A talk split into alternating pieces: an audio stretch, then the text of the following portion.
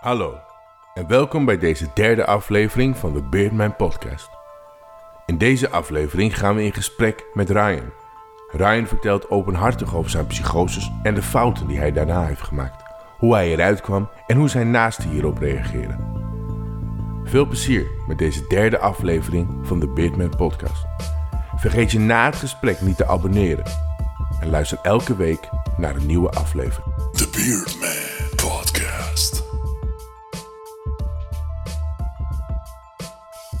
Ryan, welkom. Dankjewel, Kees. Bedankt dat je hier wil zijn. Dankjewel. Ik vind het heel moedig van je dat je hier wil zijn om met mij eh, deze podcast op te nemen.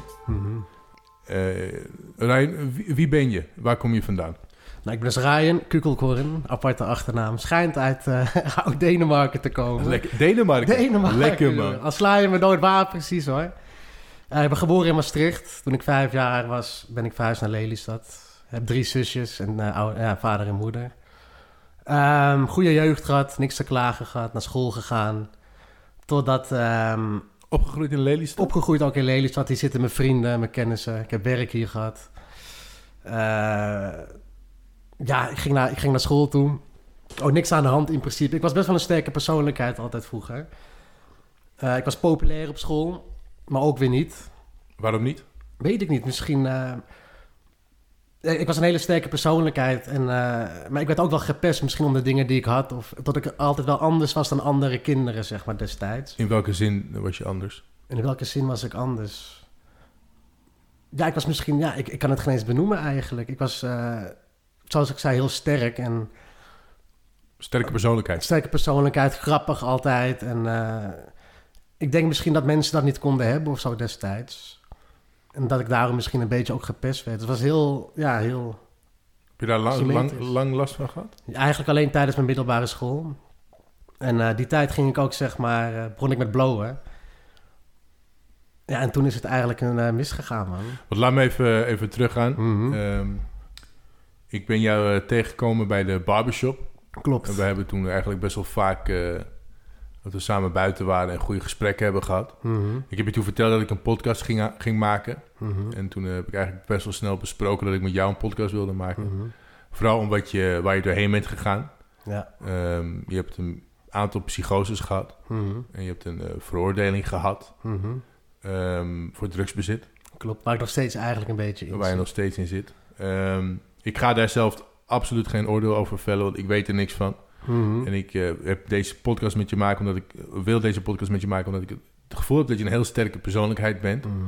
ehm, die ondanks al deze ellende toch nog recht overeind staat en probeert iets moois van zijn leven te maken. Absoluut. Ehm, voordat we verder gaan naar de, eh, hoe het er nu met je is, wil ik Mhm. terug naar de psychoses. Juist. Want je hebt meerdere psychoses gehad. Klopt, ik heb er drie gehad. De eerste twee waren eigenlijk identiek en de derde is eigenlijk een apart verhaal. Maar het begon eigenlijk allemaal eh, omdat ik ging blowen. Ik rookte wiet. Ik heb het geen eens zo lang gedaan. Ik heb misschien een jaar lang, minder dan een jaar lang, heb ik elke dag gebloot. En ik merkte eigenlijk na een half jaartje dat ik ergens in werd getrokken. Wat uiteindelijk dus een psychose bleek te zijn. Maar als je dat voor de eerste keer meemaakt, je weet niet waar je in wordt getrokken. En je hebt ook geen besef van, zeg maar. Je wordt gewoon ergens ingetrokken en je gaat gewoon hoe het gaat, snap Denk je? denk je eh, terug te gaan naar de Mhm. marihuana, denk je dat het door de marihuana komt? 100 procent. Want ik weet dat eh, marihuana, het veroorzaakt aan zich niet Mhm. psychoses, maar het kan wel een psychose triggeren. Zeker. Het is bij mij ook, het is ook getriggerd, denk ik. Ja, Alleen vanaf kleins af aan, als ik zo terug ga denken, heb ik nooit rare dingen gehad in principe. nee. En in mijn familie komt het eigenlijk ook niet voor. Ik ben de eerste in mijn familie die zeg maar eigenlijk schizofrenie heeft. Ja, Het is ook niet, ehm, het kan iedereen overkomen. hè? klopt. Dus het, het, het maakt niet uit hoe je geschoold bent, het, wat voor familie je komt. Het is niet genetisch bepaald, voor zover ik weet. Klopt. Eh, dus dat is, dat is, het is, het is dikke Ja, pech hè, zeker. dat zoiets je overkomt. zeker. En ik weet dat eh, marihuana het wel, het, dus het, nogmaals, het veroorzaakt het niet, maar het kan het wel triggeren. Mhm. Wat gebeurde die, die eerste, dus als je teruggaat naar de eerste keer dat je die psychose had, wat gebeurde er toen? Ik merkte eigenlijk dat ik eh, verder van de realiteit begon te komen, of hè, te gaan. Ehm, ja, het is zeg maar een fase waar je dus in wordt getrokken. En als je erin zit, dan pas begint het eigenlijk. Ik merkte steeds, zeg maar, dat ik steeds achterdochtiger werd. Ik werd paranoïde. Ik kreeg, ik kan nog goed... eh, Was je, was je toen gestopt met het roken? Van? Nee, ik ging nog door. Ging ik ging door. nog door, ja. Ik, ik was me helemaal nergens eh, bewust van. vrienden om me heen die zagen dat ik anders begon te praten, et cetera. En eh, ja, Wat gebeurde er dan? Anders praten? ik zei bepaalde dingen die helemaal niet met de realiteit waren. Ik zag de wereld opeens anders. Ik dacht opeens dat ik een maffiabaas was. Heel apart allemaal. En ik dacht dat iedereen me wou liquideren. Toen zijn we naar een bruiloft in Turkije gegaan. Dus heb ik op Schiphol heb ik de douane daar omzeild. En ik dacht op een gegeven moment dat alles ook een filmset was. Ik was de hoofdrolspeler en alle mensen om me heen waren acteurs. En ik moest maar zien te vinden wat het doel daarachter was. Daarnaast kwamen er hele sterke hallucinaties boven. Ik weet nog goed dat ik in Turkije stond op een bruiloft. En ik hallucineerde zo sterk dat ik alle mensen die ik zag waren één persoon. En ik zag lichtflitsen voorbij komen, woorden geschreven. Alles had te maken met een verhaal. Dat ik een of andere... Ja, ik dacht altijd dat ik een of andere handlanger van uh, Holleder was. En dat ik heel erg eh, een, een zware jongen was, zeg maar. Maar je ging op een gegeven moment gewoon een verhaal zien. Alsof er iets voor je afspeelde waar jij zelf de hoofdrol in was. Ja, zeker. Speelde. Zeker. En Wow. ik hoorde stemmen in mijn hoofd, zeg maar. En als je, als, als je tijdens een psychose stemmen in je hoofd hebt, dan denk je dat alles waarheid is. Het is zo sterk aanwezig dat, dat, dat je denkt dat het gewoon waarheid is. En ik volgde de stemmen.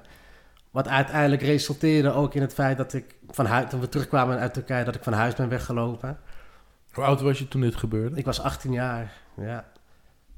En mijn ouders hadden op een gegeven moment, ze dachten ook van, wat, wat doet hij allemaal gek? Wat, waar is hij allemaal mee bezig? En ze schakelden ook zeg maar de crisisdienst in.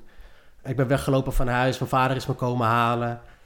Ehm, Van het crisis. ja, ik dacht dat mijn ouders eh, duivels waren. Dat, dat mijn ouders mij wilden liquideren. Dat mijn vader een, dat, de concurrent was van mij. En dat ik eigenlijk expres bij hun ben geboren. Zodat ze me altijd konden manipuleren en controleren. Dus dat was een hele moeilijke tijd. Ehm, toen kwam de crisisdienst langs en een paar vrienden zaten, me, zaten ook aan de tafel. En toen gingen ze allemaal vragen stellen, hè? de crisisdienst van, nou, wat heb je gebruikt? Hoe, eh, wat denk je? Waarom doe je zo? En ik gaf overal eerlijk antwoord op, omdat ik dacht dat die crisisdienst van, bij mijn kant hoorde. De beste vriend van mijn vader destijds, eh, die ging met mij praten. Ik kan het niet meer precies zo goed herinneren, want het is best wel moeilijk als je erin zit. Je maakt zoveel dingen mee. Het is, heel, het is best wel schadelijk voor je hersenen, zeg maar. Maar, maar die vriend van mijn vader haalde mij uit mijn psychose. Dus toen, toen kwam ik eruit. En, eh, Weet je hoe hij dat gedaan heeft? Nou, door eigenlijk heel straight te zijn van Ryan. eh, wat je ziet is niet waar. Bekijk het, bekijk het realistisch. Dit is niet waar. Hij heeft je een op. ander perspectief Hij gaf een anders perspectief gegeven. En toen kwam ik eruit. Nou, toen ben ik naar de kliniek geweest. was ongeveer zes, zeven weken. Ik was eigenlijk vrijwel snel ehm, weer de oude ik. Dus ik ging... eh, er was niks meer aan de hand. En het ging zelfs zo goed eigenlijk met me... dat ik gewoon geen medicatiegebruik meer nam. Heb je toen ook heb, heb je in die tijd in een, in een opvang gezeten of in een, in een eh, Ik heb in een kliniek gezeten hier in Lelystad. Ja, ja. hoe was dat in die kliniek? Was, ehm, Toen was je nog steeds 18 jaar oud. was ik 18 jaar oud. Kijk, het gekke is, zeg maar, toen die vriend van mijn vader mij eruit heeft gepraat, met, hè, uit mijn psychose, toen was ik in principe al beter. Dat, was heel, dat is heel gek. Je voelde je beter of was je Ik beter? voelde me beter en ik was eigenlijk ook al beter. Eh, ik moest eigenlijk een paar maanden eerder worden opgenomen, want dan is het gewoon nog, hè, dan kan je me echt helpen. Ik was er eigenlijk al uit en de hulp kwam eigenlijk te laat voor mij. Ze hadden ook een rechterlijke macht voor mij ingeschakeld, wat wil zeggen dat, dat de rechter gaat beslissen dat jij gewoon zonder, eh, dat je gewoon naar de kliniek moet, zeg maar. Snap ik bedoel? Ja. Dat je de, ja, gedwongen naar de kliniek gaat, Ja, zeg maar. ja. Ja. Alleen dat was te laat, want toen was ik er al uit. En toen ben ik naar de kliniek gegaan. Heeft misschien zes weken geduurd. En toen mocht ik ook alweer uit, omdat ik vrij snel werk had. Ik was mezelf en het ging allemaal goed. Ik zat ook aan de medicatie. Wat deed die medicatie? Dat is eigenlijk, dat maak je eigenlijk, om heel eerlijk te zijn, een zombie. Ik, ja. eh, Weet je nog wat voor medicatie je had? Of, dus, Ja, dat is een hele goede Olanzapine. ehm dat is een hele goede. Het was een zware medicatie. Hoe heet het nou? Ik weet geen eens meer hoe het heet. Ik weet geen eens meer hoe het heet. Ik heb een goed nadenken erover. Maar dat heb ik geen eens een lange tijd gehad, omdat ik daardoor ook op de eerste hulp belandde. oh, wat Wat- gebeurde er dan? Ja, ik werd zo duizelig, zo ziek ervan. En ik kon letterlijk helemaal niks meer. En ze wouden voor de zekerheid mijn bloed en zo testen, omdat ik gewoon helemaal niks meer kon. De medicatie maak je echt wel een zombie, man. Dat was niet fijn, om het zo maar te zeggen. Maar toen kwam ik eruit, Uit, uit de uit, kliniek? uit de kliniek. Alles ging weer goed in principe, tot er privé iets eh, gebeurde. Daar kan ik niet te veel over zeggen. Oké. Ehm, Maar ja, ik dacht, ik was beter. Ik neem geen medicatie meer, het gaat goed. En wat gebeurt er? Ik werd weer ergens ingetrokken waar ik niet zelf van bewust was. Maar het kwam door een negatieve... Het kwam door de negatieve vibe. Er was iets gebeurd was in je iets leven gebeurd in mijn waardoor leven, waardoor, het, eh, waardoor ik weer eh, ja, de andere kant op ging, zeg maar. En eigenlijk had ik ook niks geleerd van mijn eerste psychose. Ik ging gewoon door met mijn leven en ik dacht van, het zal allemaal wel. Op wat voor manier ging je door met je leven? Nou, ik ging toch nog steeds uit. Ik eh, dronk nog en eh, af en toe nog een blootje misschien. Ik dacht van, het kan allemaal. Wat, had je, wat, wat denk je dat anders moest? Ik denk dat eigenlijk achteraf niks anders moest. Omdat de persoon die ik ben geworden op dit moment... he- het heeft er allemaal aan bijgedragen aan de persoon die ik nu ben, zeg maar. Dat was allemaal een leerfase. Alleen wat ik me al werkte, dat, dat veel vrienden van mij afstand hadden gedaan. Ik begon me steeds meer eenzamer te voelen, zeg maar. waarom waarom denk je dat ze afstand van je deed? Omdat het best wel een heftige periode was, denk ik. En eh, Ook voor je vrienden. ook voor mijn vrienden. Weet je, ik was ook niet altijd de aardigste, om heel eerlijk te zijn. Ik heb iedereen van me afgeduwd. Mijn familie heb ik van me afgeduwd. Ja. Hoe ging dat dan? Als me, als- het was je eerste psychose. Mhm. Eh, als je, je was net uit de psychose. Hoe Ja. ging, het- hoe, als mensen dan contact met je zochten, vrienden bijvoorbeeld, om met je te praten. ja. Hoe ging, je daar, eh, hoe ging je daarop? Hoe ging je daarmee om? ik ben wel van nature ben ik een open persoon. En weet je, ik heb eigenlijk geen geheimen in, zo- eh, in zo'n zekere zin. Dus ik was er wel open over. Alleen ik was wel, ik was wel verdwaald. Ik was, ehm, ik was verdwaald in het leven. Werd je wantrouwig tegenover mensen? Ja, ook dat zeker, zeker. Tegenover jezelf? Tegenover mezelf zeker ook, ja. Ja, Dus je was in de eerste psychose, je ging een kliniek in, je kreeg medicatie, je kreeg therapie, ga ik Mhm. vanuit. mhm. ja therapie. Hoe lang? Hoe ik, lang? heb, ik heb wel psychiater en therapie. Ik heb één keer in mijn leven eigenlijk therapie gehad. Maar voor de rest moet ik eerlijk zijn, heb ik alles zelf eh, opgelost. Mijn hele ziekte, mijn, al mijn complexen heb ik zelf eh, opgelost. Ja. Maar er werd je wel hulp geboden. Er werd hulp geboden, maar dat vond ik perso- persoonlijk vond ik dat geen goede hulp. En ik had er eigenlijk vrij weinig aan. Waarom? Omdat het niet voor mij hielp. En je moet dingen... Ze kunnen handvaten geven, maar tenslotte moet je het zelf doen, zeg maar. Absoluut. En bij mij hielp het gewoon niet eigenlijk. Dus ik moest zelf op Wat- onderzoek uit bij mezelf. Wat was dat dan voor hulp wat ze je aanboden? Was het, op- heb je dat gevoel dat het oppervlakkig was? Of? Het was zeker oppervlakkig. En wat ik altijd ook al zei, van ja, jullie kennen mij niet, hoe ik ben. Dus hoe weten jullie nou wat er in mijn hoofd speelt? Jullie, jullie weten van niks eigenlijk. Weet je, ze zien een psychose nou, en deze schizofrenie. En deze kenmerken hebben ze. Maar voor de rest weten ze eigenlijk vrij weinig over de persoon zelf. Je had het gevoel dat zij zich niet konden identificeren met wat jij voelde? Nee, absoluut niet. Absoluut Mhm. niet. Ehm, ja, dus ik ga nog geen medicatie meer, hè. Dit is na de, e- Dat is na, na, Na de, de eerste, eerste. psychose, ja. ja. Zeg maar, dit was in 2010. En in 2012 heb ik mijn tweede psychose gehad. Was die anders ten opzichte van de eerste? Was vrijwel identiek eigenlijk. Ik dacht En- ook dat ik een maffiabaas was. Maar deze was wel heftiger eigenlijk. Waarom? Omdat ik... eh, in deze psychose heb ik heel veel gevochten met mensen. Ik ben zelfs opgepakt geweest. Ik stond bij een huis en ik had een sleutel bij me... en ik dacht dat het een huis van mij was. Dus ik probeer daar gewoon in dat sleutelgat eh, te porren. Iemand zegt van, jong, wat doe jij hier? Ik zeg, dit is het huis van mijn vader. Ik woon hier, dit is mijn huis. Dat was heel, dat was heel uh, angstaanjagend eigenlijk. Ik liep met een schroevendraaier draaier op zak... omdat ik dacht dat mensen mij wouden vermoorden. Wauw. Het was heel, het was een hele. Ik liep alleen op straat. Ik ging huilen hier in Lelystad op straat. Want ik dacht van waarom ben ik zo alleen? Ik heb geen vrienden, ik heb helemaal niemand. De eerste leek alsof het meer, meer intern was, naar jezelf gericht. Ja, en de en tweede was- leek dus meer, meer gevaarlijk. Dit was, de tweede was meer gevaarlijk. Was Je zieker, ging meer naar buiten. absoluut. Fysieker, niet zieker, Fysieker. maar fysieker. Ja, klopt. Je ging klopt. naar buiten en je dan... Wauw. Had er... eh, want je liep buiten. Ja. Maar, dus als je in zo'n psychose... Ik, ik, ik heb daar gelukkig geen ervaring mee. Mhm. Als je zo'n psychose hebt en je loopt buiten. Dat is heel gevaarlijk En- eigenlijk. Nee, natuurlijk. Maar, maar word je dan op een gegeven moment wakker van... Shit, wat doe ik nou? Nee, totaal niet. Totaal niet. Hoe gaat dat dan? Hoe, want je zit in een psychose. Wat haalt je dan eruit? Want heb je dan die, Nou- die psychose 24 uur per dag? 7 dagen per week? Ja, 100%. En dat kan zelfs je hele leven duren. Je moet eigenlijk zelf het besef creëren, bij, hè, bewustzijn creëren dat je eruit bent. Je moet zelf denken, ik zit in een psychose en dan pas kom je eruit. Maar het is zo moeilijk als je in een psychose zit om eruit te komen en om dat besef te krijgen. Dat is eigenlijk bijna onmogelijk. Pas op met... Oh ja, dat is bijna onmogelijk. om er zelf uit... Om er zelf uit te komen. Het is bijna onmogelijk. Dan heb je echt mensen om je heen nodig. En vaak wordt dat gedaan met zware medicatie. Instellingen, platgespoten worden. Is dat bij jou ook gebeurd, dat je platgespoten werd? Nee, dat gelukkig niet. Eh, ik weet nog goed dat ik door de stad liep en was, dat, eh, eh, was de oude Hema. Ik weet niet of je dat nog kent op die hoek, weet je wel. Ja, ja. En ik zag een oud stelletje daar zitten en ik dacht, ik had zo'n zieke gedachte. Dus ik sta voor het raam, ik tik op dat raam, hun kijken en ik spuug gewoon op dat raam. Wow. Gewoon van minachting, weet je. Dat ik op het station loop en mensen zie ik oh, hè, tegemoet komen en ik scheld ze uit voor... eh wat ben jij toch een viezerik, vuile hoer en dit en dat. Wow. Het was zo bizar, zo bizar. Maar je kan het je wel herinneren.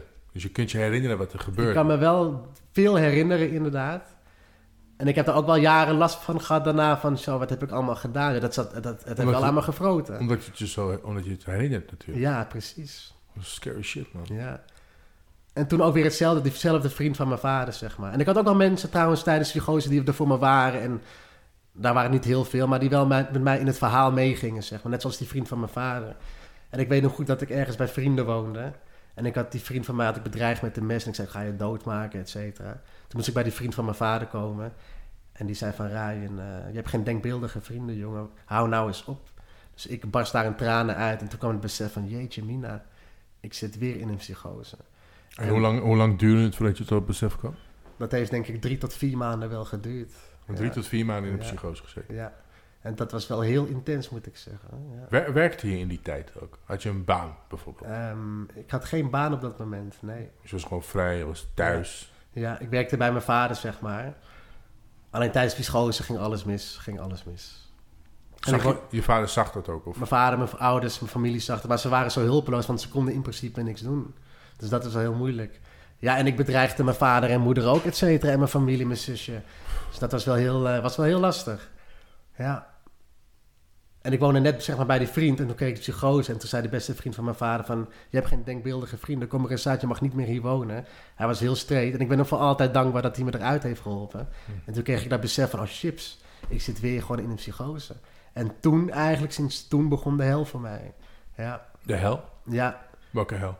dat in de zin van dat ik niet meer van mijn stemmen in mijn hoofd afkwam. Dat de persoon die ik was voor 2010, de sterke Ryan, dat die niet meer bestond. Ik had misschien duizenden complexen erbij gekregen. Je verloor jezelf. Ik verloor mezelf. Compleet. Ik verloor compleet. Compleet. Want je zegt stemmen in je hoofd. Ja. Hoe, hoe, moet ik dat voor me, hoe moet ik dat voor me zien? Het Of- is, Is het net zoals nu, je hebt die headphones om, ik, pre- ik spreek met je met deze microfoon, je hoort mijn stem. ja, Is dat vergelijkbaar? Ja, 100%. Gewoon echt een stem Gewoon een je... echte stem. En meestal eh, was het maar positief. Maar het is eigenlijk over het algemeen alleen maar negatief. Eh, Bij mij was het in de zin van dat... eh, dat ik dacht dat ik, dat, eh, dat, dat ik dacht dat ik mensen zijn gedachten kon horen. Dus ik zit daar met jou hier te praten bijvoorbeeld. En ik vertel een verhaal en dan hoorde ik in mijn hoofd van... eh Ryan, wat lult hij nou, wat een klootzak. Er is helemaal niks van waar. Je dacht dan dat de gesprekspartner dat dacht. Ja. Je hoorde de gesprekspartner dat denken. Ja, en overal waar ik was, zeg maar, maakt niet uit wat voor mensen er liepen. Ik had altijd die stemmen van die mensen, maar ik was in mijn hoofd. En dat maakte me wel heel onzeker ook. En eh, daar, heeft wel een, ja, daar heb ik wel een zware deuk van opgelopen. Want als, het, als je die stemmen hoort in je hoofd... Je hebt ook zeg maar last van pijn, hallucinaties, hè, hallucinaties. En die hallucinaties zorgen ervoor dat je hele lichaam daar naartoe gaat eh, werken, zeg maar. Dat, het voelt net echt allemaal. En in jouw beleving is het vaak ook echt. Dus het was wel heel moeilijk. Ja, Dus de persoon die ik was, was eigenlijk gewoon verdwenen. En ik ben zo ook werkt het ook op je brein natuurlijk. het werk Als zwaar. je iemand hoort spreken dan in je hoofd, ook al is het in je hoofd, voor jou is het realiteit. Voor mij is het realiteit. Was Ja. het realiteit. Was het realiteit. Ik weet nog goed, toen liep ik eh, van station naar huis. En ik, en ik liep daar zo en ik dacht bij mezelf, Marijn, hoe, hoe loop je nou? Kan je wel lopen? Hoe loop je? En op dat moment wist ik niet meer hoe ik moest lopen. En ik moest nog 300, 400 meter naar huis lopen. Nou, ik kan je vertellen, het was een hele struggle geweest. Ik wist niet meer hoe ik moest lopen. Zo bizar, hè? Omdat je bij ging nadenken. Bij, overal ging ik bij nadenken. Wat bij mensen automatisch gaat in de zin van... Je, ja, we, praten en dat gaat eigenlijk allemaal automatisch. Je denkt na en je praat. Je maakt bewegingen, dat gaat allemaal automatisch. Overal moest ik opeens bij nadenken. En dat, heeft wel, dat is wel heel moeilijk geweest een paar jaar lang. Overal moest je bij nadenken. Ik moest eigenlijk mezelf opnieuw leren praten, opnieuw leren denken, opnieuw leren lopen. Dat was heel eh, bizar. Heb je ook na die tweede keer in, in een kliniek gezeten? Ik heb daar in een kliniek gezeten, inderdaad. In, eh, Op dezelfde plek? nee, in het AMC dit keer. Oké. Hoe lang was je daar? Ik denk ook zes weken. Want toen ik eruit kwam, was ik ook vrij wel snel weer uit. Alleen ik was niet goed. Ik was niet goed teruggekomen. Nee. Nee? Nee. Wat dan? Ik was gewoon echt een wrak. Ik was, eh, ik was mezelf niet meer. Je, Die stemmen in mijn beloof- eh, hoofd, die bleven maar. Die ging ook niet weg. Die gingen ook niet weg. Ik heb angst erbij gekregen. Maar ze lieten je wel naar huis gaan. Ja, klopt. Waar- waarom? Weet ik niet. Misschien omdat ze dachten dat ik nog wel sterk genoeg was. En ja, je kan natuurlijk niet jaren in een kliniek zitten. Kan wel. Maar ze vonden mij wel sterk genoeg met medicatie die ik had gekregen om hè, gewoon Ja. lekker naar huis te gaan, zeg maar. Onderdrukte die medicatie ook die stemmen dan? Dat is wel de bedoeling, maar dat gebeurde eigenlijk niet. Het bleef gewoon doorgaan. bleef gewoon doorgaan. Gingen die stemmen je dan ook vertellen van... Hey, je zit op dit moment in een kliniek. De medicatie werkt niet. Dat het tegen je gebruikt wordt? Ja, kan, of ja absoluut. Het is, die stemmen worden altijd tegen je gebruikt, zeg maar. Die gebruik je altijd tegen, ja. Dat is wel bizar. En ja, als je, als je angsten erbij krijgt en complexen erbij krijgt... En die je nooit hebt gehad... en dat maakt het ook wel heel eh, ja, bijzonder en heel eh, apart, om het zo maar te zeggen. Ik van, hier heb ik hier ooit last van gehad. Hier heb, ik had overal last van waar ik nooit last van had gehad. Zeg maar, de sterke persoon die ik was, was opeens het tegenovergestelde. Gewoon. Ja. En dat, dat, ik was ook wel daardoor jaren heel eenzaam geweest. En eh, heb ik wel eigenlijk met mijn hoofd in de hel gelegen. Misschien nog wel dieper dan de hel. Want hoe, eh, hoe gingen je vrienden er dan mee om? Er zijn twee vrienden destijds die zijn bij me gebleven, drie vrienden. Maar de rest was eigenlijk weg. En niet omdat het hun schuld was, maar ook omdat ik iedereen misschien wegduwde. Het is gelopen zo. Ja, ik heb, wel, ik heb me wel tijden, ik heb wel eenzaam gevoeld in mijn, eh, in mijn leven, ja, daardoor. Ja. Hè, eh, niet meer sociaal. Als ik een kroeg kan binnenlopen, dan dacht ik van, joh, wat gebeurt hier? Zoveel prikkels, ik kon, ik kon, het, gewoon, ik kon het gewoon niet hebben. Ja. En misschien toch ook wel een tijd lang op verkeerde medicatie ingesteld geweest, waardoor ik helemaal niks kon doen. Maar Echt een zombie slaper. Ik weet nog goed, dan werkte ik bij mijn vader. Zat ik eh, aan de balie en sliep ik twee uur lang gewoon in de middag, omdat ik kon niks, ik kon gewoon helemaal niks. Ik kon geen eens praten door die Pillen medicatie. onderdrukte alles zo erg dat je Ja. gewoon moe van werd. Ja, ik kon geen eens meer praten erdoor. Dus dat was wel heftig. En het keerpunt komt natuurlijk ook. En dat was op vakantie geweest, zeg maar. Eh, maar even terug, trouwens terug naar die hallucinaties en die eh, eh, complexen, zeg maar. Ik heb dus ook last gehad, bijvoorbeeld gehad van pijnhallucinaties. Pijnhallucinaties. Pijnhallucinaties. Wat is dat? Ik Bijvoorbeeld, kan, ik kan me er iets bij voorstellen. als je bijvoorbeeld je vinger hebt in je nagel en je, je nagel, je het gevoel dat je nagel eraf wordt getrokken of omhoog wordt gezet. Mm. En dat soort gevoel, zeg maar, dat had je de hele dag door, zeg Oh, maar. shit. Ja, dat is heel bizar. Dus de overal, en dan heb je dan overal mee, heb je daar die, eh, die ehm, Pijnhallucinaties. pijnhallucinaties, ja. Dat was, dat was wel heftig Hoe inderdaad. kwa- oh, wat Ja, is dat? Hoe, hoe- dus je loopt ergens. Je loopt ergens en je ziet iets of je, je voelt gewoon die pijn, terwijl het niet is, maar je voelt wel die pijn. Zie je ook dingen gebeuren dan? Zie je dat je nagel eraf getrokken wordt bijvoorbeeld? Nee, dat niet, maar je voelt echt, ja, je voelt het wel, zeg maar net of het echt eh, zo is, maar je ziet het zelf niet, zeg maar. Het is gewoon een storing. Het is een hoofd, storing. Het is, het een eh, storing in je. Ja, absoluut. Absoluut. En eh, zo heb ik dus jaren rondgelopen eigenlijk, als een kip zonder kop, mezelf verloren. En toen ging ik, weet ik nog goed, ging met vrienden naar, een, ging naar Spanje toe. Die vakantie was alles chaotisch, niks was goed geregeld, maar desondanks wel genoten hoor, absoluut. En ik lig daar op die achterbank en ik krijg een openbaring daarvan. eh, ik krijg een- zo'n heldere stem in mijn, in, mijn, in mijn lichaam die zegt van Ryan, we gaan je beter maken. Dat zal ik ook nooit vergeten. Dat noem ik eigenlijk ook in mijn leven het eerste wonder wat er is gebeurd. En ik kreeg zo'n gevoel, zo'n zelfvoldoening. Ik dacht van, we gaan knallen, dacht ik. Ik dacht alleen maar gaan knallen. Wat er toen gebeurde, zeg maar, ik kreeg werk Mhm. bij een autoverhuurbedrijf. En binnen anderhalf jaar eigenlijk, weet ik nog goed, binnen anderhalf jaar stond ik op de stijger van een vriend. En ik zei tegen die vriend van, mijn hele ziekte is verdwenen. Alles was weg, alles was weg. En dan denk je van, hoe heb je dat opgelost, hè? Ja. Eh, nou, ik kreeg heel veel inzichten, zeg maar. Wat was die stem, denk je? Wat was die stem? Ik denk persoonlijk eh, dat het God was, heel, om heel eerlijk te zijn. Ik denk dat ik wel gered ben in mijn leven. Ehm, vroeger, zeg toen ik vijf, zes jaar oud was, heb ik een aan- aanraking gehad met een geest. Eh, mensen zeggen vaak, ja, maar je bent toch schizofreen, je hebt toch psychoses gehad, dat is toch apart, heeft dat, niks, heeft, dat niks met je ziekte te maken? Maar vroeger was dat niet het geval. Vroeger was ik gewoon, ik had nergens last van in principe. En ik weet nog goed dat er bij mijn opa en oma werd ingebroken. En ik ben een persoon, als er ergens onraad is of wat dan ook, dan ga ik daar automatisch op af. Dus wat gebeurt er als vijf, wo- eh, jongen? Word ik in de nacht wakker en ik ga rechtop in mijn bed zitten en ik kijk naar de muur en zie ik een man met een zwarte lange hoed Oh, een zwarte lange jas en een zwarte hoed op. Helemaal zwart, gewoon een schaduw, zeg In je maar. kamer. Ja, op de muur. Op de een muur. afbeelding op de muur van mijn opa en oma. En die zei tegen me, Ryan, ga rustig slapen. Wat gebeurt er? Ik ga rustig slapen. Volgende dag werden we wakker met z'n allen. We liepen naar beneden. Hele huis overhoop gehaald, was er ingebroken. Nooit aandacht aan beschonken. Maar achteraf dacht ik wel van... Stel je voor dat, ik dan niet, hè, dat het niet was verschenen. Stel je voor dat ik gewoon naar beneden was gelopen... omdat ik altijd automatisch op onderraad afga. En stel je voor als vijf, zesjarige jongen staat een oog in oog met een inbreker. Wat zal er gebeurd zijn? Dat weet niemand, snap je? En niemand en nooit aandacht meer aangeschonken. Totdat ik dus die psychoses kreeg. En die gedaante weer in mijn leven kwam. Schijnt dus een, eh, de, de vader van mijn opa te zijn. Wat, wat droeg hij altijd op foto's? Een zwarte hoek met een zwarte lange maar, jas. maar die, diezelfde gedaante komt terug in je psychose. Ja, ja. Nou, niet in mijn psychoses daarna, zeg maar. In het, in het, na het, zeg maar, dat ik die openbaring heb gehad in de auto. Ja. Toen kwam hij vooral weer verschijnen. Toen kwam hij verschijnen. En het leek net of iets met me ging praten. En ik dacht van, wat moet ik hiermee? En ik ging op onderzoek uit. En ik probeerde het te volgen. En alles wat ik zeg maar deed, alles wat ik zeg maar doorkreeg, deed ik in de echte wereld. Hè, hoe we gewoon met, tijdens het werk, tijdens supermarkt. En daardoor kon ik eigenlijk alle complexen en angsten die ik had, kon ik daardoor oplossen. Ik moest er heel hard voor werken. Ik heb... eh, ik ben nog een hele moeilijke tijd gewe- geweest. In de zin van schaamte gehad, eh, vernedering. Maar ik moest dat meemaken om mezelf beter te, te krijgen. En ja, ik heb alles allemaal complex, complexe één voor één, zeg maar, aangepakt. Hoe, hoe, noem eens een voorbeeld dan. Wat waren die complexen? Bijvoorbeeld ehm, bij de Albertijn in de bij de kassa. Ik moest pinnen om iets af te rekenen. En altijd dacht ik van iedereen kijkt naar me. Ik werd helemaal onzeker. Ik, ik rood op mijn hoofd, zweet aanvallen. En toen dacht ik, weet je wat? Ik ga mezelf uitdagen. Wat moet ik doen? Ik ga er elke keer expres met de pin, eh, pinpas staan.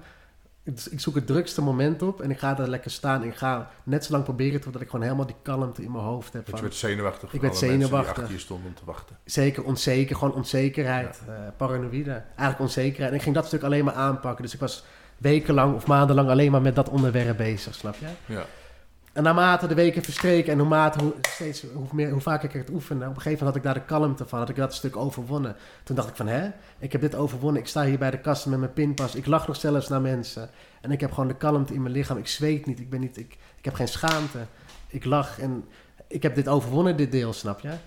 En toen ging ik naar het volgende aspect, hè, angsten met, eh, andere angsten bijvoorbeeld. Wat voor angsten waren dat? Eh, ja, wat voor angst. Bijvoorbeeld het stukje... Ja, dat is een hele moeilijke. Het is moeilijk om even terug te denken daarover. Ja, bijvoorbeeld, een voorbeeld. Bijvoorbeeld, eh, als, ik, als je in de auto rijdt. Ja. Ik, ik had altijd, was altijd de persoon, zeg maar. Ik hou van lekker hard rijden. Maar ik ging... En op een weg mag je waar je 50 mag, als mensen dan 50 reden. dacht ik van, jongens, schiet een beetje op. Er rijdt niemand voor je. Waar ben je nou mee bezig? Nou, ik werd er helemaal, als, als ik dat zou doen, als ik 50 moest rijden, ik werd helemaal kriegelig al als mensen achter me zaten, een kilometer lang, van wat rijdt die gozer slow? Ik kon me daar helemaal aan opvreten, snap ik bedoel? Dus wat ik ging doen, ik ging expres 50 rijden. Dat heeft ongeveer drie weken geduurd elke, want ik, eh, ging elke keer langs die weg rijden. En twee weken lang zweten in mijn auto van, moeten die mensen wel niet denken over mij? Een beetje paranoïde achter, hè? En na drie weken was het hele gevoel weg. Ik zat er 50 te rijden kilometer lange auto's achter me en ik, was, ik had de kalmte in me. Je daagde jezelf Ik, je daagde me steeds zelf uit. En met onzekerheid, met, eh, met schaamte. Noem het maar op. Noem het maar op. Ja.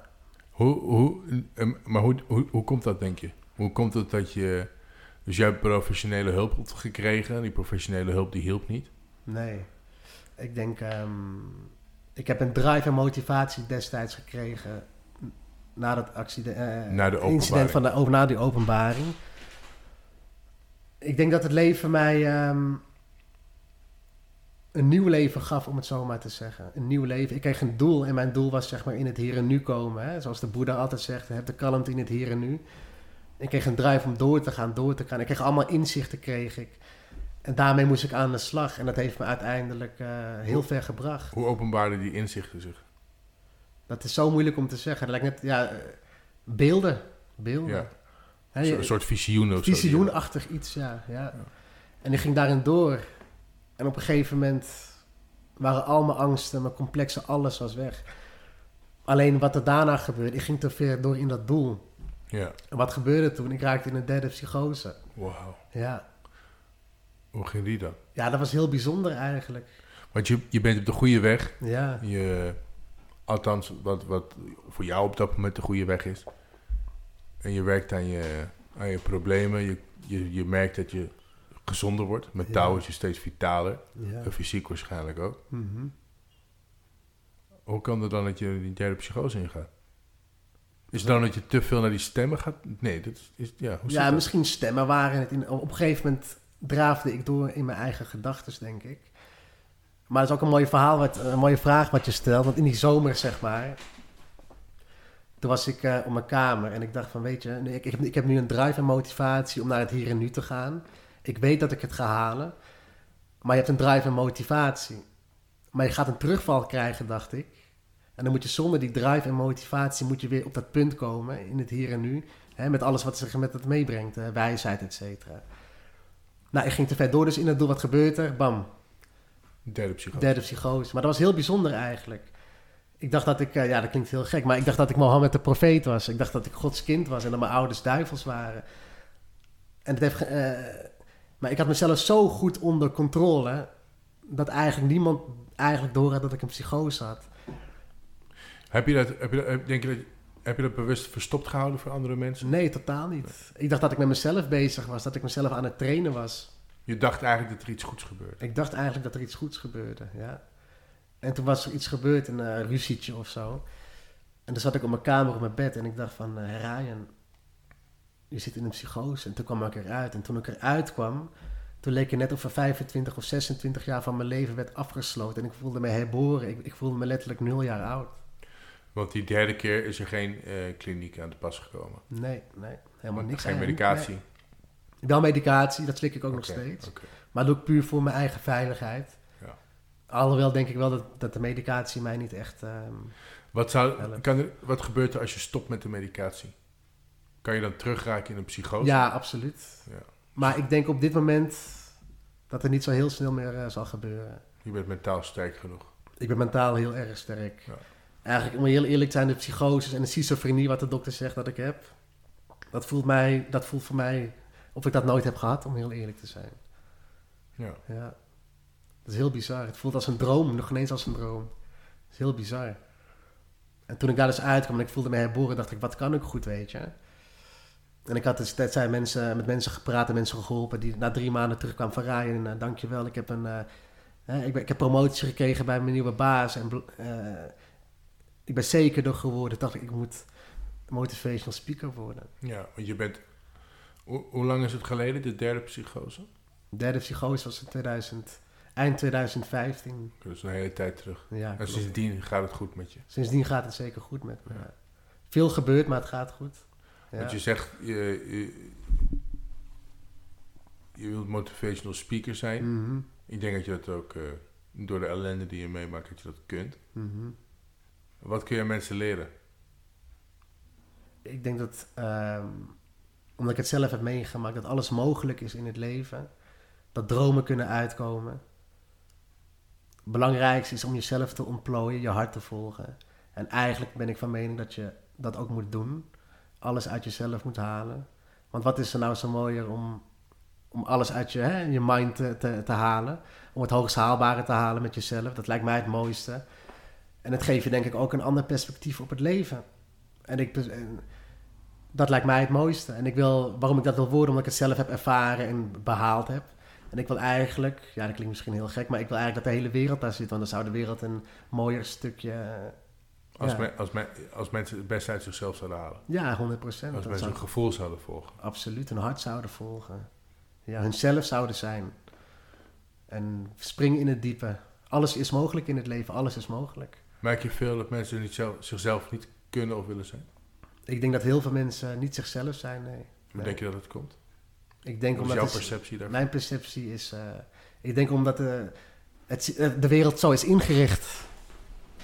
Om niet je hart te kunnen volgen. Want ja, kunnen we, kunnen we echt ons hart volgen, vraag ik me af. In deze maatschappij waarin we leven. Snap je wat ik bedoel? Wat is je hart volgen? Wat is je hart volgen? Door naar je hart te luisteren. Wie ben jij? Wat, wat, Wie ben jij? Wat is, dat is de vraag. Wie ben jij? Wie ben ik? Hè? Als je s'morgens opstaat je maakt die dag mee, je gaat, volgende, hè, je gaat weer naar bed. En dan denk je, oké, deze dag heb ik dit meegemaakt. Maar dit ben ik niet echt tegen die persoon geweest. Ik, dit wil ik veranderen. En heel veel, wat heel veel mensen doen, die staan de volgende dag op. En die gaan weer door met een oude leventje. En wat ze gisteravond hebben gedacht, wat ze zo graag wilden veranderen aan hunzelf, omdat ze zichzelf niet waren dan toen. Dat is helemaal verdwenen. Maar wat zou er gebeuren als je daarover denkt en je probeert het Ja. de volgende dag? Ja. Het, gaat, het, het lukt niet na één keer natuurlijk. Misschien wel als je geluk hebt. Maar als je daarmee blijft oefenen, dat is, dat is, als je dat behaalt voor jezelf, bepaalde hè, innerlijke, intris- intrinsieke doelen, hè, dan krijg je een bepaald gevoel, zelfvoldoening en daar, daar kan niks tegen op. En ik denk dat het mooiste is van het hele leven. Ja. Er zit een veel dieper aspect in het leven dan mensen wel niet denken. Denk ik persoonlijk. Dat, denk, dat ben ik met je eens. Mhm. Heeft dat, eh, eh, heeft dat te maken met zelfreflectie? Door als je s'avonds denkt, ik ga morgen stoppen met roken. Ja, En volgende ochtend steek je, is een voorbeeld, en je steekt toch een sigaret op in de Ja. ochtend. zeker zelfreflectie. Waarom steek je die sigaret op? Maar dan is het de nood niet, goed, niet genoeg om te veranderen. Nee, klopt. je Mensen veranderen pas als de druk heel hoog wordt. Onder druk wordt alles vloeibaar. Zeker, maar is het dan soms niet te laat? Snap ik bedoel? Dat is juist denk ik de kunst om betijdig, als je dat al denkt bij jezelf, dan moet je dat al proberen te doen, te veranderen. En misschien duurt het wel vijf jaar, met die stoppen met die sigaret, maar na die vijf jaar lukt het wel. Stel je voor dat je dat vijf jaar niet hebt gedaan, en het is allemaal, na tien jaar is het te laat. Snap wat ik bedoel? Ja. Ik denk, je, je moet doen wat je moet doen, je moet doen wat je denkt. En alles één voor één oplossen in je hoofd, stukje bij stukje. Je kan niet alles tegelijk aanpakken. Nee, de doelen moeten realistisch zijn. We doen het realistisch Dat zijn. zeker, dat ben ik met je eens. Je moet je passie proberen te vinden, je doel proberen te vinden. Je, je hebt je psychoses heb je afgesloten. Dus de resurrection of Ryan. Je staat weer op, je Ja. komt terug. Ja, Je bent een vitaal mens. En dan... Je ging een opleiding in de zorg doen, geloof ik. Of, klopt. Je ging een opleiding in de zorg doen. Was goed gelukt. en de bedoeling was andere mensen te helpen die problemen hebben. Zeker, absoluut. Ook eigenlijk in de psychiatrie wou ik eh, werken. Wat voor doelgroep hielp je in de psychiatrie? Ook eigenlijk mensen met schizofrenie, vooral. Ja. Verslaving, een stukje versla- eh, verslaving, agressie zat er ook bij. Maar vooral eigenlijk mensen die ook psychoses hadden gehad. Ja. Denk je dat iemand die zelf psychoses heeft gehad... mensen met psychoses kan helpen? Ja, absoluut. 100 procent. Een ervaringsdeskundige. Ja, Ik ervaringsdeskundige. denk dat mensen... De meeste mensen naar jou het best zullen luisteren... omdat je kan voelen wat zo iemand voelt. Op ja, dat moment. zeker. Je Absoluut. kan identificeren met wat mensen voelen. Klopt. Klopt. Hoe lang heb je dat gedaan? Ik heb dat een jaartje gedaan. Dat is ook een eh, apart verhaal geweest eigenlijk. Ik heb in de tussentijd heb ik een fout gemaakt in mijn leven. Ik kan er niet te veel over zeggen, omdat ik nog midden zeg maar, in een rechtszaak zit. Maar ik kan wel zeggen dat het drugsgerelateerd was. Ja. Nou, dat was een hele domme, domme fout van mij. Dus je hebt een, fout gemaakt... en eh, door die fout ben je een periode in de gevangenis beland. Ja, klopt. Hoe lang? Zes weken, toen werd ik eigenlijk geschorst. Hoe was dat in de... Hoe was het, je wordt opgepakt. Je hebt net Ja. ellende gehad, de psychose zijn voorbij. Klopt. Het was, Hoe was eh, dat telefoontje naar je, je moeder en je vader hebben zich zorgen om je gemaakt? Of wat er met je gebeurde in de psychoses? Ja, En dan denk je, het gaat goed, hij is een opleiding aan het doen. En dan maak je een fout. ja. En dan moet je je moeder bellen. Dat is geen zo gegaan, wist je dat? Hoe is het gegaan? Omdat ik drie weken beperking zeg maar had. Dus mijn advocaat moest dat allemaal doen. Jeetje. Ja. Dus je hebt je eigen ouders niet kunnen Niet kunnen bellen, nee. nee. Ik zat een volledige beperking, ja. En volledige beperking houdt in dat? Dat je niet mag bellen, niet met medegedetineerden in contact mag komen. Je mag eigenlijk helemaal niks, alleen zat maar in op een je- soort isoleercel of zo. Ja, soort van eigenlijk. Fuck. Je mag maar een half uurtje per dag eh, uit je cel en that's it eigenlijk, ja. Ja. Alleen, ehm, daar heb ik ook wel een eh, besefmomentje zeg maar gehad. In de Wa- wa- waarom, waarom moest je in beperking?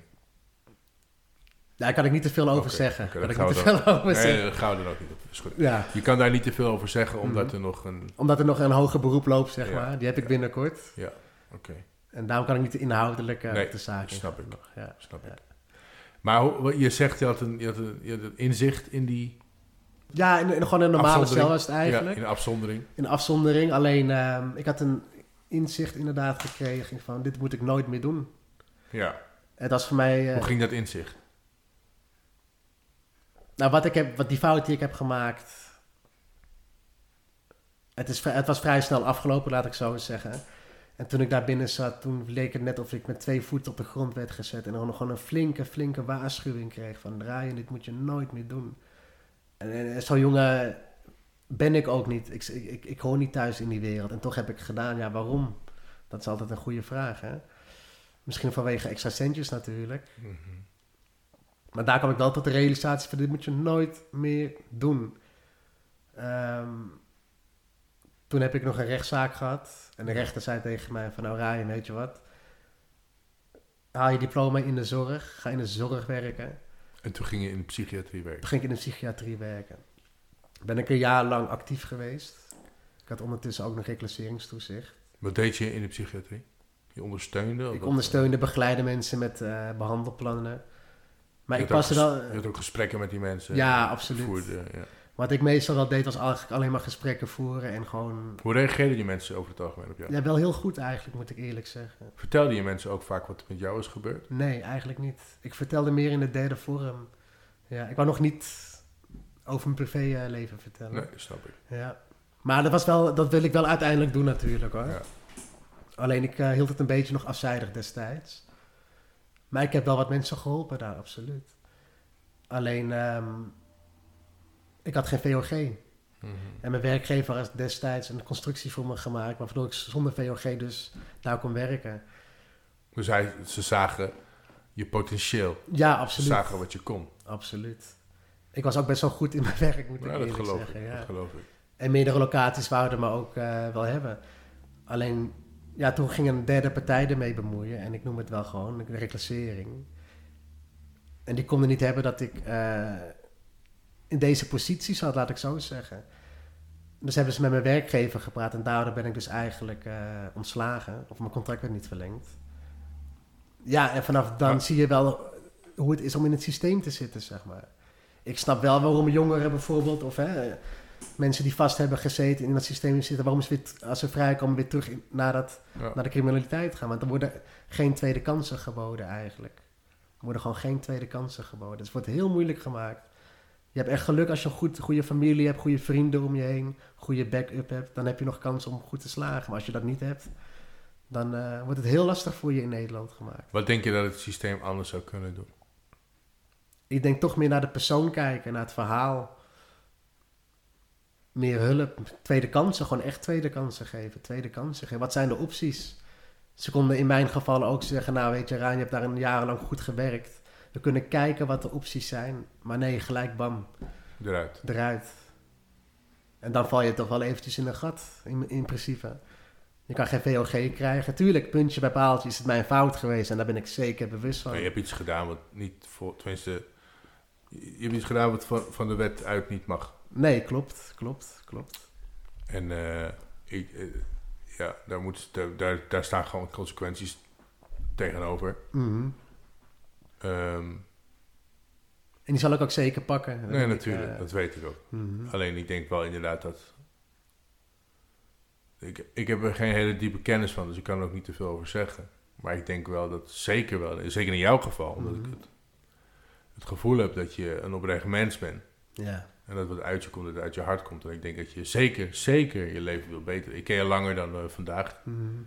We hebben regelmatig goede gesprekken. En daaruit haal ik dat je een, goed mens wilt zijn. En dat je daar heel veel voor wilt doen.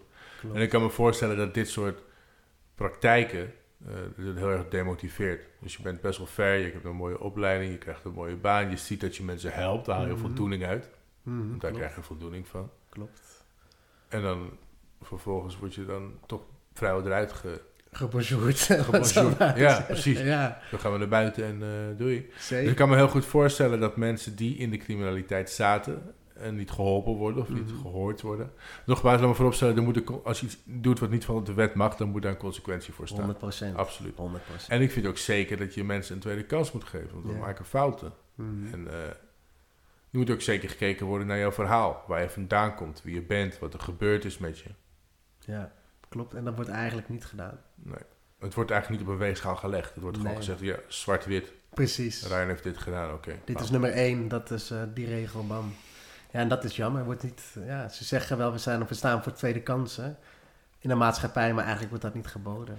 Maar heeft dat niet te maken met dat het proces nog loopt? dat daarom de tweede kans er nu niet is? Absoluut, dat heeft ook te maken met een hoger beroep. Alleen als je hoe, had je het liever, hoe had je het liever gezien? Wat had je liever... Wat je, je- de, er, is, er loopt nog een hoger beroep. Mhm. De rechter gaat daar een oordeel over maken. Het kan zo zijn dat je misschien nog terug moet. Ja, klopt. Ehm, had- had je verwacht dat ze dan zouden zeggen... oké, tot je terug moet mag je nog hier blijven werken? Als je terug moet, want dat is natuurlijk onduidelijk nog. Ehm, ja, eigenlijk wel. Had ik wel liever zo gezien. Ik denk dat er zeker andere opties mogelijk waren. Maar ook aan de andere kant, als je klaar bent met de hoger beroep... en dan stel ik moet zitten of niet, dat maakt niet eh, uit. Dan kan ik alsnog vijf jaar of vier jaar geen VOG krijgen. Ja, en dat is lastig. Dat is lastig.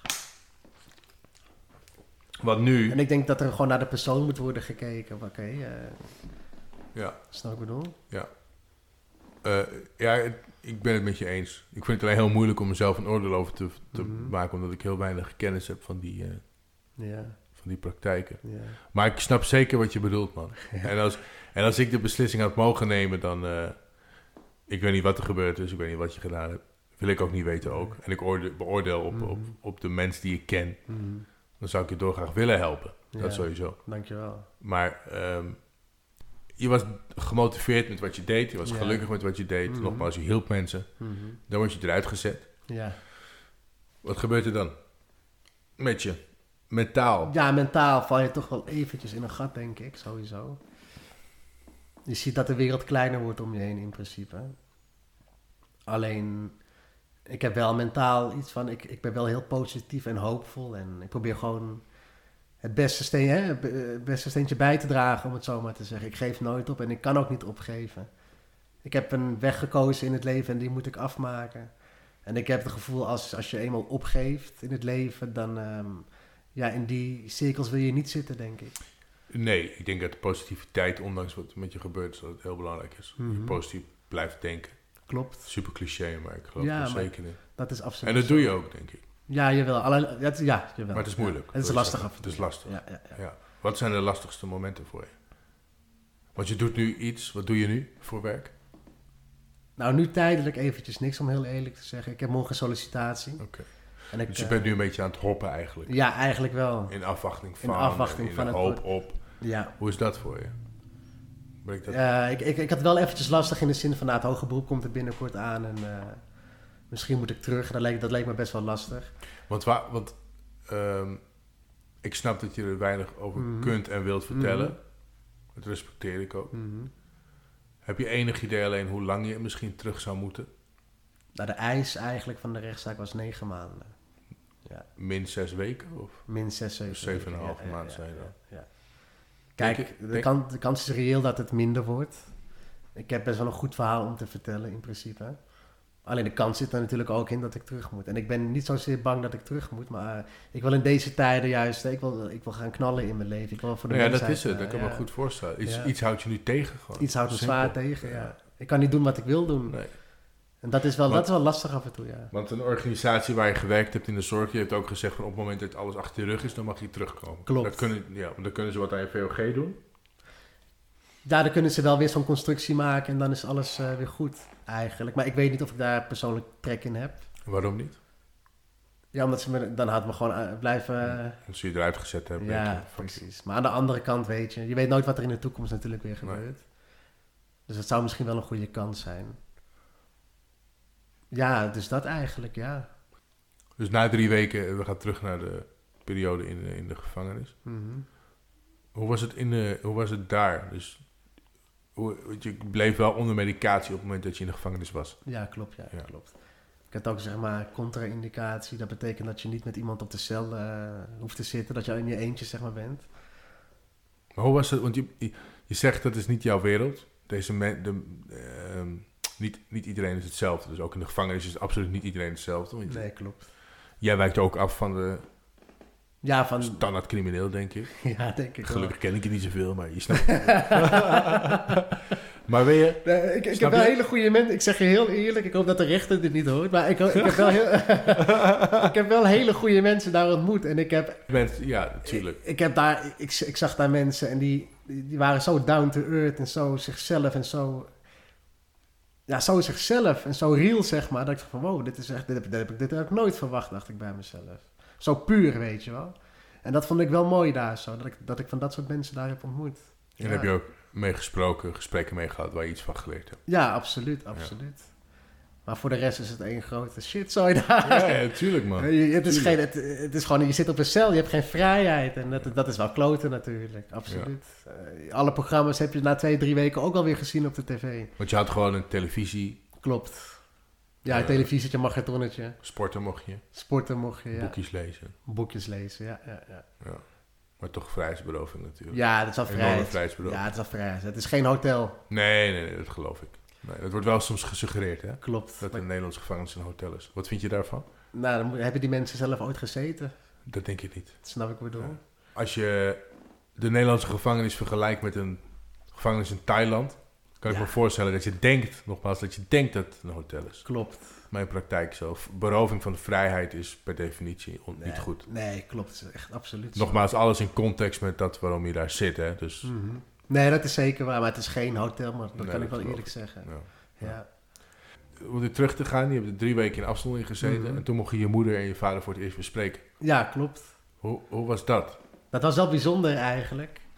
En wisten natuurlijk ook niet waar ze aan toe waren. Wat er allemaal was gebeurd. Want eh, mijn advocaat kon ook niks zeggen tegen ze, omdat ik natuurlijk drie weken in beperking zit. En op dat moment mag de advocaat ook niet zeggen wat er aan de hand is. Nee, klopt. Ze mogen niks Ze zeggen. mogen helemaal niks Ze zeggen. mogen alleen zeggen, Ryan zit zit vast. vast en that's it. Wow, Ja, dat was wel wat heftig. een ja. onzekerheid. Ja, Hoe gingen je ouders ermee om? Gingen ze gissen? Gingen ze, ze gingen gissen. Ze waren, ja, ze gingen gissen. Ze wisten gewoon echt letterlijk niet wat er aan de hand was. gingen ze op, op contact zoeken met je vrienden? Ja, dat ook. Maar mijn vrienden waren natuurlijk ook... eh, Die hadden ook geen idee. nee. Ja, een paar wel, maar... Ja, natuurlijk. Ja. Ja. Maar die gingen het niet tegen je ouders Die gingen, ja, volgens mij is het ook wel zo gegaan, hoor. Je hebt het wel gezegd. Ja. ja. Alleen, ehm, ja, ze zeiden gewoon van, ja, je kan ook eigenlijk niet meer. Ze zeiden van, wat een sukkel ben je geweest, wat dom ben je geweest. Maar je kan je ook eigenlijk niet doen als... eh, Op het moment dat je dat wat je deed waarvoor je veroordeeld bent, mhm. wat het ook is, het deed, heb je toen eh, ooit gevoeld dat het mis... Heb je er toen met de gedachte, heb je toen ooit aan gedacht dat het ook mis kon gaan? Ja, zeker. En met mijn geweten begon het ook wel te spelen. Ja, Dus je wist van, oké, ik kan een keer gepakt worden. ja. Ja. En ook gewoon van, ja, weet je... eh, ja, het is niet goed wat je doet. Ik ben altijd iemand geweest die volgens, hè, die goed wil leven, die een goed persoon wil zijn. En dan kan je dat eigenlijk niet doen om heel even straight te zijn. nee. Dus dat heeft me ook wel eh, ja, aan het denken zeker gezet. En dat ben, ik, zou, ik, ik kan dat wel eerlijk vertellen. Ik ben anoniem verraden door iemand. Ja.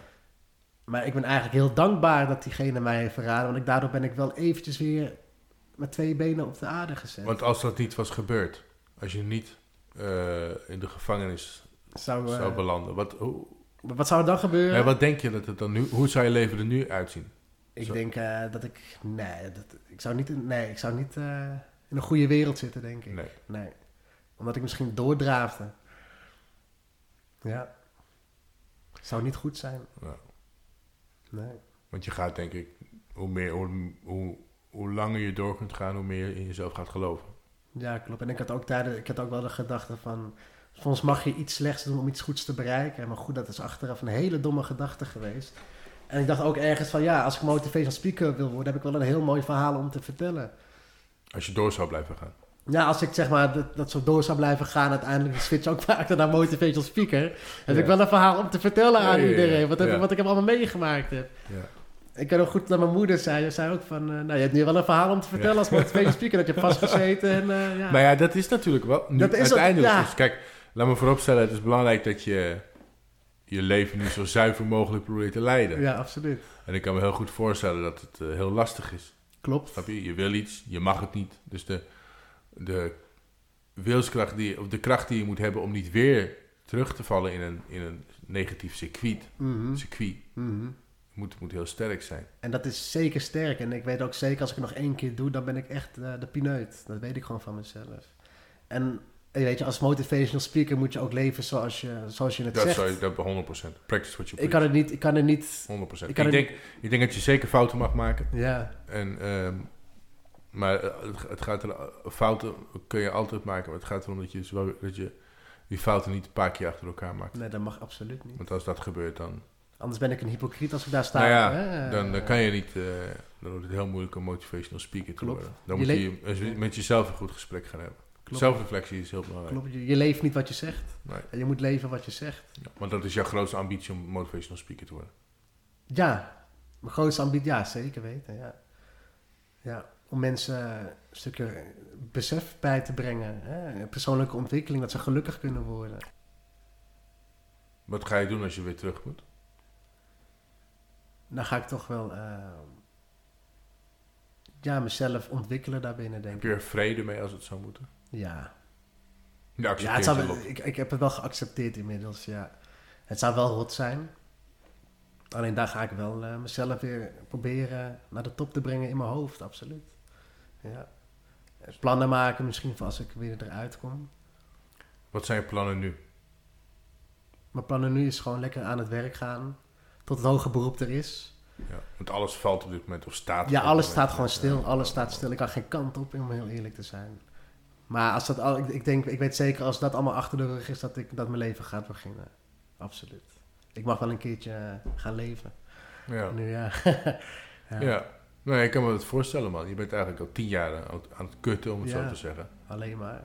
En dat is, ik kan me voorstellen dat het heel pittig wordt. Met een, met een jaar en, of een paar jaar opleiding gedaan. En, Ja, ook eigenlijk eh, ja, zo stom geweest. Hoe bedoel je? Uiteindelijk is het natuurlijk wel wat, heb je die opleiding wel voor iets gedaan. Ja. Maar ja, nee, natuurlijk. Je hebt je eh, opleiding zeker iets gedaan. Het is alleen de, wat je daarna hebt gedaan. Ja, dat is gewoon zo geweest. stom. Maar dat is... eh, hoe komt dat, denk je, dat je dat gaat doen? Hoe komt het dat je... Dat ik daarin ben geraakt. Ja. Of dat ik, dat, ik, dat ik dat, die keuze heb gemaakt om daarin te komen. Ik denk zeker dat het de geldbeweegreden was. Ja, hè? Ja, absoluut. En dan denk je niet na over de consequenties Nee. die het voor jezelf en misschien voor de anderen kan brengen. Dus het is Nee, gewoon dacht, snel geld verdienen. Ik dacht, het komt wel goed. Ik dacht, het komt wel goed. En ik dacht, ik was ook niet met de insteek dat ik het voor altijd zou doen. Ik dacht, dit is even tijdelijk. Dit is even tijdelijk, dacht ik. Ja, het werkt verslavend, denk ik. Ja, zeker. Je verdient op een snelle manier makkelijk geld. Zeker. Terwijl je eigenlijk niet achter geld moet aangaan in het leven. Nee, maar je, je zit, ik denk dat je altijd in een bepaalde fase in je leven zit, man. En dat je, vandaag hoef je, no- hoef je niet de man te zijn die je morgen bent. En je Mhm. kan op voorhand heel moeilijk zeggen of iets goed of slecht is. Klopt. Dus wat er toen met jou is gebeurd, Ja, dat is nu slecht. ja Maar het kan over twee jaar heel goed zijn. klopt. Als je terug de cel in moet, dan is dat nu slecht. Maar het kan over een jaar kan het iets fantastisch zijn. Absoluut. Je maakt de dingen mee die uiteindelijk... Hè? Je weet nu niet of dingen goed of slecht zijn. Nee, klopt zeker. Absoluut. Als ik nu terugkijk op mijn leven, is eigenlijk alles goed geweest, ondanks al die narigheid. Dat is een manier van ermee omgaan. Ja, En eh, ik zeg het vaker, maar ik geloof er zeker in, dat je... De weg van de meeste weerstand is vaak een hele sterke. ja. Een hele goede. Omdat hoe meer weerstand je hebt, hoe ehm, sterker je Ja. daar vaak uit kunt opstaan. dat is 100% Dus als je weerstand hebt, dan weet je hoe je dingen niet wil. Je maakt fouten en van die fouten leer je als het goed is. Klopt. En de kunst is om niet meer die fouten te maken. Ja. dat is de grote kunst. Want als je motivational speaker bent, Ja, stel je voor, TED Talks, ja. Ryan, Heineken Music Hall. Dat zou wel dik zijn. Dan, eh, en dan mag je een, eh, een TED Talks houden voor mensen. Ja, dat zou wel mooi zijn. Wat zou je zeggen? Over mijn eigen ervaringen. Over ehm, hoe je het beste uit jezelf kan halen. Over dat alles mogelijk is in het leven. En waarom is alles mogelijk? Omdat ik zelf ook dromen heb laten uitkomen. En niet in een materiële wereld, maar in mezelf. Dat alles kan, dat opgeven geen optie is. En dat je, dat je wilt toch gelukkig zijn in de, in de, hè, met jezelf. Waarom, waarom doe je dat eh, dan niet? Kies je voor de comfortzone, hè? Wat is geluk voor jou? je hart volgen en je passie proberen te doen in het leven. Als jij vindt dat je schoenmaker moet worden, omdat jij dat wilt, doe dat. Misschien word je wel de beste schoenmaker van de wereld. Het draait niet om geld, maar het gaat om het idee. Doe wat jij wilt doen. Word geen eh, chauffeur als je piloot wil worden. Waarom kies je de chauffeur? Omdat, om- omdat je omgeving dat zegt? Omdat je ouders dat zeggen? Nee, je moet doen wat jij moet doen. En dat is, de dat is heel belangrijk. Je moet doen wat jij wil doen. Wees jezelf. Ja, dat vinden ze maar apart, maar jij bent wel jezelf. Aan het einde van de rit komt het allemaal wel weer goed. Jij bent gewoon eerlijk tegen jezelf, daar gaat het om. Niet Ja. aantrekken wat andere mensen vinden. Doen wat jij moet doen. Iedereen, ja, als jij, eh, ja, iedereen heeft weerstand. Ik wil schoenmaker worden. Ja, wat is dat nou weer? Bla bla bla bla. En op een gegeven moment ben je daar en dan komen ze wel allemaal. Als je iets anders doet dan de rest, ja, dan leveren ze altijd maar kritiek. Ja. En daar moet je gewoon doorheen. Heb jij een, eh, een voorbeeld in je leven? Voorbeeld. Nee, eigenlijk niet om heel eerlijk te zijn. Ik had wel een, een acteur in een serie, had ik een lange tijd als voorbeeld. Van eh, The Walking Dead, Rick Grimes, Rick, die hoofdacteur. Hoe hij zeg maar psychologisch was, hoe hij deed als persoonlijkheid, dat was eigenlijk een hele mooie Sterke. manier. Hele Mm. sterke manier. En dat was al een tijdje mijn voorbeeld. Maar op dit moment heb ik geen voorbeeld. Ja, Bob Marley misschien, dit, dit luister ik vaak. Ja. Gewoon hè, free yourself out of your mind, dat soort dingen. Ja, daag jezelf uit. Het leven is mooi, het leven kan je creëren. Je kan alles creëren in het leven. Misschien leven in een slechte wereld, maar je kan het wel zo mooi maken als je zelf wilt. Ga gewoon, ga gewoon ervoor, je kan het. Dat is gewoon het belangrijkste. Ja. Je wilt niet op je sterfbed liggen en denken van... eh shit, had ik dat maar gedaan toen ik twintig was. Nee, je moet op je sterfbed liggen en denken van... Wauw, laat me maar alsjeblieft doodgaan. Ik, heb het, ik, ik ben er klaar voor. Ja. Dat moet je hebben. En als je nu kijkt naar je hart, wat is nu leven naar jouw hart? Dat ik ehm, begin te leven wat ik wil worden. Dat ik begin te leven wat ik wil worden. En dat is?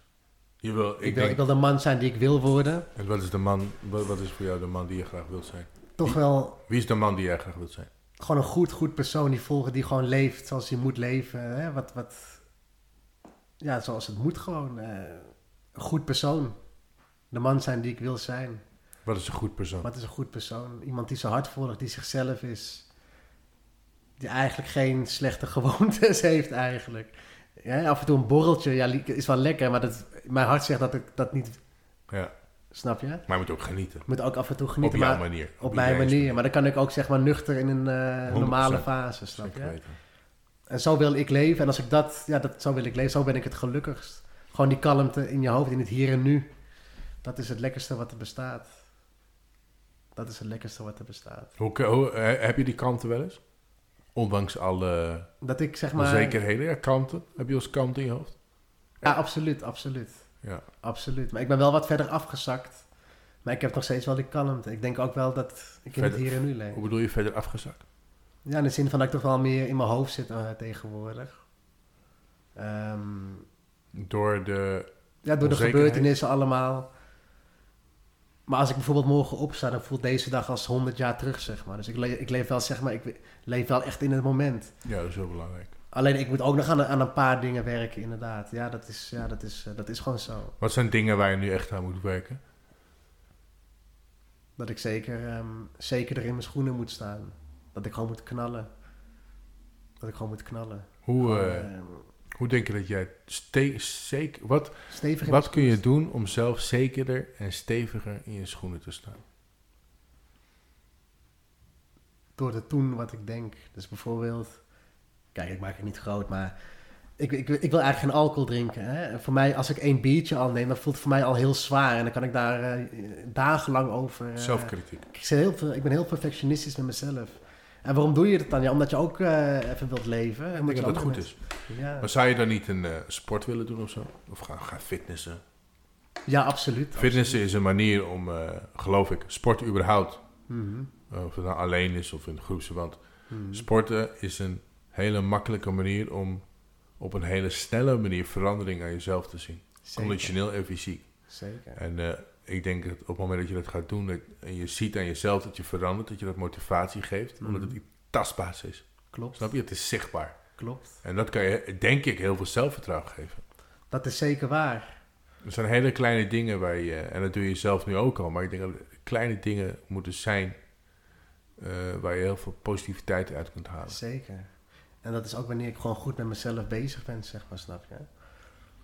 Ja. En, het, en dat gaat ook zeker goed komen. Absoluut. Lig je er wakker van? Van Nee. het proces dat nog eh, moet Oh, afsluiten? van het proces van... Ja, Lig je eh, daar wakker van? Heb je een slapeloze nacht? Nee, van? absoluut. Ik slaap wel goed eigenlijk. Ja, jawel. Ik slaap wel goed. Heb je nog eh, wel eens therapie? Nee, nooit meer. Ik heb het één keer in mijn leven eigenlijk echt gehad dat ik zei van, nou weet je wat, geef me de therapie maar. Nu heb je geen therapie meer. Ik Je heb hebt wel je medicatie nog, die neem je dagelijks. Ja, En dan komt er een moment dat je daarmee mag stoppen? Of is dat iets wat je voor altijd blijft houden? Ik wil er uiteindelijk wel mee stoppen, denk ik. Alleen het, het geeft mij toch, toch ergens een gevoel nog van, ehm, van, van, van beschermheid. Ja, hè? snap ik. Vast, eh, vast, hou Ja, vast. Precies, Ja, ik precies. kan me goed voorstellen. Alleen ik merk niks qua werking daarvan of zo, om heel eerlijk te zijn. Nee. Nee. Ja. Nee, je moet er niet aan denken dat je ermee stopt en dat het dan eventueel Dat het fout, fout gaat. gaat, ja, klopt. Kijk, die kant zit er altijd in, hè?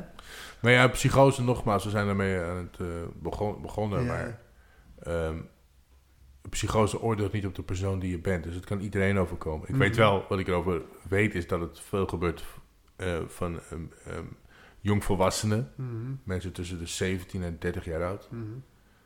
En dat ehm, er zijn zoveel eh, factoren waar Ja. het van afhankelijk kan zijn. Scheiding, Scheiding, een problematiek in de Ja. jeugd, het kan, eh, kan alles traumatische ervaringen, maar ook soms niks. Nee, en klopt. soms kan een onschuldige joint het triggeren. Dus dat moet voorop stellen, drugs is nooit de hoofdoorzaak van een psychose of een, eh, iets dergelijks. Het is nee, een absoluut trigger, niet. het is een kan iets trigger. losmaken. Klopt.